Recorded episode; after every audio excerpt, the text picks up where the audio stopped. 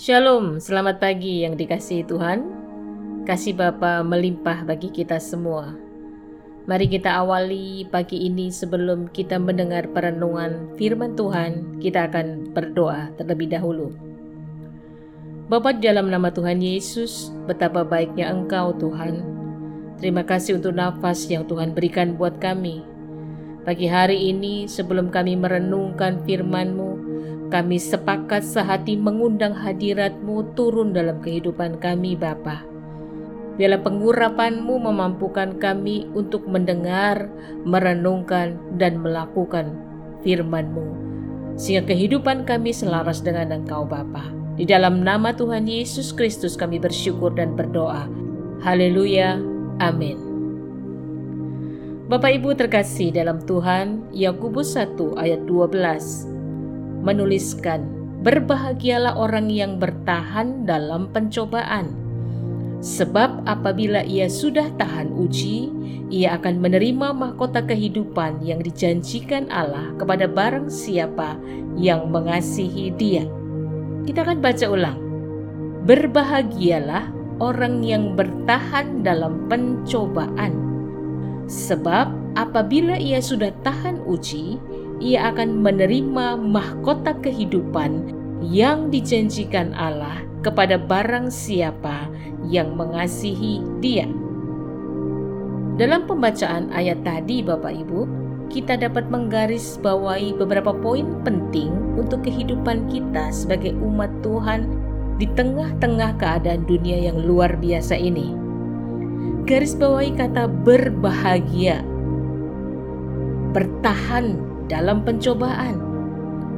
Garis bawahi juga kata mahkota kehidupan.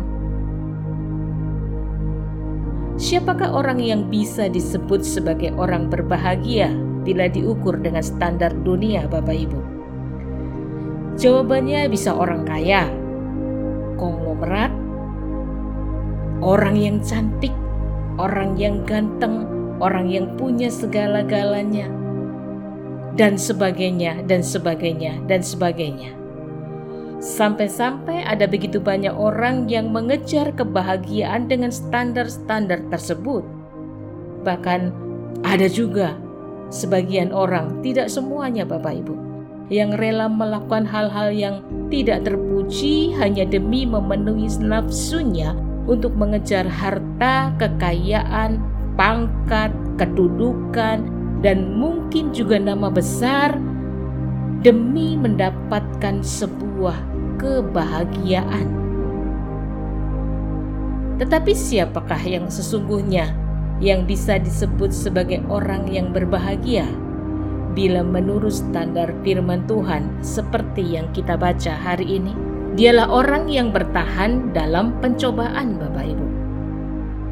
Tentu saja kondisi ini berbanding terbalik dengan pembahasan kita di awal tadi.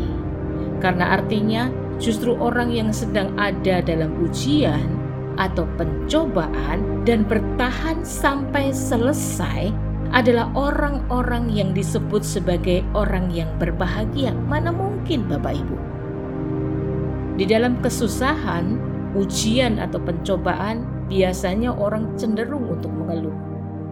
Mereka berduka, murung, bahkan menutup dirinya. Sebab yang namanya mengalami ujian atau pencobaan itu tidak enak Bapak Ibu. Mengalami masalah itu tidak enak bagi daging kita. Bagaimana mungkin kita menjadi pribadi yang berbahagia? Sekali lagi pertanyaannya adalah, bisakah seseorang yang sedang mengalami pencobaan dan kemudian bertahan dalam pencobaan itu untuk mendapatkan mahkota kehidupan. Dia berbahagia? Jawabannya pasti bisa. Mengapa? Sebab sesungguhnya apa yang dari dunia ini Bapak Ibu terkasih dalam Tuhan semuanya akan lenyap. Tetapi ketika seseorang terus bertahan dalam iman percayanya di tengah-tengah ujian, maka dia akan menjadi penerima mahkota kehidupan. Satu upah yang tidak bisa diberikan oleh dunia, Bapak Ibu. Waktu dia lulus pencobaan, Waktu saudara dan saya lulus dalam bertahan di tengah pencobaan itu, maka janji Tuhan kepada saudara dan saya, Dia akan memberikan mahkota kehidupan kepada kita semua. Ujian atau pencobaan itu sekalipun tidak enak, tapi sesungguhnya itu baik bagi pertumbuhan iman kita Sebab setiap ujian yang kita hadapi akan membuat level kerohanian kita atau level iman kita naik lebih tinggi lagi Bapak Ibu. Dan Alkitab pun telah menuliskan bahwa pencobaan-pencobaan yang kamu alami, yang saudara dan saya alami, sesungguhnya adalah pencobaan-pencobaan biasa-biasa saja, tidak akan melebihi kekuatan kita, Bapak Ibu. Ujian kecil yang Tuhan izinkan terjadi mungkin akan mengakibatkan mujizat yang kecil. Ujiannya besar, mujizatnya pun besar. Terserah saudara dan saya mau pilih yang mana dan Tuhan izinkan yang mana. Mau kecil ataupun besar, ujian atau pencobaan itu menurut ukuran kita manusia. Judulnya, saudara dan saya harus jadi pribadi yang berbahagia. Saudara dan saya harus menjadi pemenangnya. Amin. Tetaplah bertahan di tengah-tengah ujian atau cobaan, sebab saat ujian selesai, ingat Bapak Ibu, Dia memberikan mahkota. Lantas bagaimana caranya supaya kita bisa bertahan di tengah pencobaan itu dan pada akhirnya mendapat mahkota yang dijanjikan Tuhan? Yang pertama Bapak Ibu, Amsal 24 ayat yang ke-10 mengatakan, Jika engkau tawar hati pada masa kesesakan, maka kecillah kekuatanmu. Bagaimana caranya supaya kita bisa bertahan dalam pencobaan dan mendapat mahkota? Yang pertama, tidak tawar hati. Jangan biarkan tawar hati menggerogoti kekuatan kita Gantilah semua keluh kesah yang keluar dari mulut kita dengan ucapan syukur. Apa pun keadaan kita, mulut dan hati kita harus penuh dengan pengucapan syukur kepada Tuhan. Niscaya kekuatan yang dari Tuhan akan mengalir dalam kehidupan kita. Kekuatan itu akan bertumbuh terus dalam hidup kita dan memampukan kita, memampukan saudara dan saya bertahan di tengah pencobaan. Kita dimampukan menanggung semuanya sampai selesai. Yang kedua, Bapak Ibu yang terkasih dalam Tuhan, bagaimana caranya supaya bisa bertahan dalam pencobaan dan mendapatkan mahkota? Yang kedua dalam Amsal 18 ayat yang ke-14 bagian A berkata seperti ini. Orang yang bersemangat dapat menanggung penderitaannya, tetapi siapa akan memulihkan semangat yang patah? Yang kedua, untuk kita menang, untuk kita bertahan di tengah-tengah pencobaan dan mendapat mahkota, kita harus tetap bersemangat.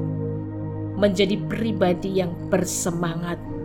Kita berpikir yang positif.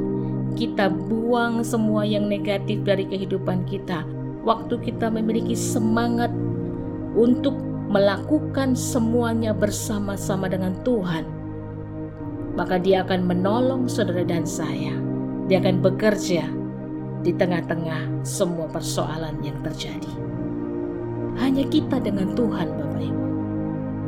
Mungkin orang-orang di sekeliling kita tidak bisa membantu kita sepenuhnya. Mereka hanya bisa memberikan support, kekuatan, kata-kata kekuatan. Tapi yang paling utama adalah kita dengan Tuhan. Mungkin ada kalanya pencobaan yang kita alami begitu menekan kita. Masalah itu begitu menekan kita. Tapi bangkitkan dari dalam diri kita ini lewat doa, pujian, penyembahan. Bangkitkan dari dalam hidup kita ini satu semangat bahwa semua ujian, semua pencobaan pasti akan ada selesainya. Saya yakin dan percaya kekuatan yang baru mengalir dalam hidup kita. Yang ketiga, Bapak Ibu, untuk kita mampu bertahan dalam pencobaan dan memperoleh mahkota. Kita baca dalam 1 Tesalonika 5 ayat yang ke-18. Ayat yang sudah sangat familiar bagi kita. Berkata, mengucap syukurlah dalam segala hal. Sebab itulah yang dikehendaki Allah dalam Kristus Yesus bagi kamu. Hal ketiga yang harus saudara dan saya lakukan adalah menjadi pribadi yang selalu mengucap syukur. Untuk dapat bertahan dan berbahagia Bapak Ibu, saudara dan saya harus banyak mengucap syukur di hadapan Tuhan. Dan tak bosan-bosannya, saya selalu mengingatkan Bapak Ibu, bersyukur, menjadi pribadi yang bersyukur. Mari cek hidup kita pagi ini Bila hari-hari ini ada di antara kita yang seolah-olah sudah kehilangan pengharapan, tidak ada semangat, kita merasa masalah itu terus datang bertubi-tubi, melemahkan kita. Kita menjadi pribadi yang murung, gelisah. Kita merasa lemah, kehilangan akal sehat. Saya mengundang pagi hari ini, Bapak Ibu.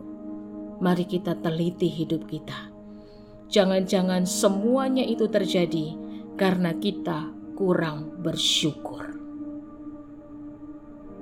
Cuma kita sama Tuhan yang tahu. Kalau firman ini sampai kepada saudara dan saya, Roh Kudus menegur hati kita. Mari kita kembali kepada Tuhan.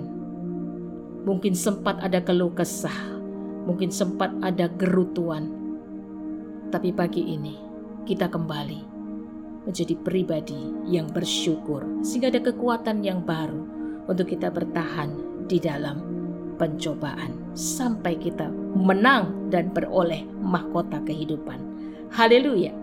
Pagi ini saudara dan saya kita diingatkan bahwa dalam hidup yang singkat yang Tuhan berikan buat kita, hendaklah kita menjadi pribadi-pribadi yang dapat bertahan dalam pencobaan. Jangan tawar hati Bapak Ibu tetaplah bersemangat. Bersyukurlah senantiasa, sehingga akhirnya pada suatu saat nanti, atas penentuan Tuhan, kita menang dari semua pencobaan itu. Kita dapat menyelesaikan semuanya dengan baik, dan kita beroleh mahkota kehidupan dari Tuhan. Tuhan Yesus memberkati. Mari kita tutup dalam doa. Bapa di dalam nama Tuhan Yesus, Ajari kami untuk mampu menjalani kehidupan kami seperti yang Kau inginkan ya Tuhan. Sepanjang hari yang hendak kami lalui, kami berdoa meminta taruh kendali roh kudus dalam mulut lidah bibir kerongkongan kami Bapa. Sehingga ketika pencobaan menerpa kami, kami tidak jadi pribadi yang tawar hati. Tapi kami akan terus bersemangat menjalani hari-hari hidup kami ya Tuhan Biar kiranya dari mulut kami senantiasa keluar pengucapan syukur apa pun yang Tuhan izinkan terjadi. Karena kami yakin dan percaya apa yang terjadi dalam kehidupan kami itu seizin Bapa. Dan biar kiranya keberkatanmu turun atas anak-anakmu semua ya Tuhan. Semua yang mendengar program ini Bapa, semuanya diberkati oleh Tuhan. Kami percaya mujizat kesembuhan terjadi, mujizat pemulihan terjadi, ada keberhasilan yang dilakukan Tuhan atas anak-anak Tuhan di mana pun mereka berada dan apa pun yang tengah mereka usahakan dengan kedua tangan mereka dalam takut akan Tuhan. Kami percaya hari ini kami raih mujizat dalam nama Tuhan Yesus. Hari ini sesuatu terjadi dalam kehidupan kami, ada kemenangan dalam hidup kami. Terima kasih ya Tuhan. Terima kasih kami melepaskan berkat Tuhan untuk anak-anakmu di mana pun mereka berada hari ini Tuhan. Keberkatanmu mengalir atas setiap mereka. Apa yang mereka lakukan dengan kedua tangan mereka, Tuhan menjadikannya berhasil dan beruntung dalam nama Tuhan Yesus. Terima kasih Bapa. Segala puji, hormat, syukur, kemuliaan hanya bagi Engkau. Dalam nama Tuhan Yesus kami bersyukur dan berdoa. Haleluya. Amin. Selamat pagi, selamat menjalani hari ini dalam kemenangan besar bersama dengan Tuhan Yesus. Haleluya. Tuhan memberkati berlimpah-limpah. Shalom.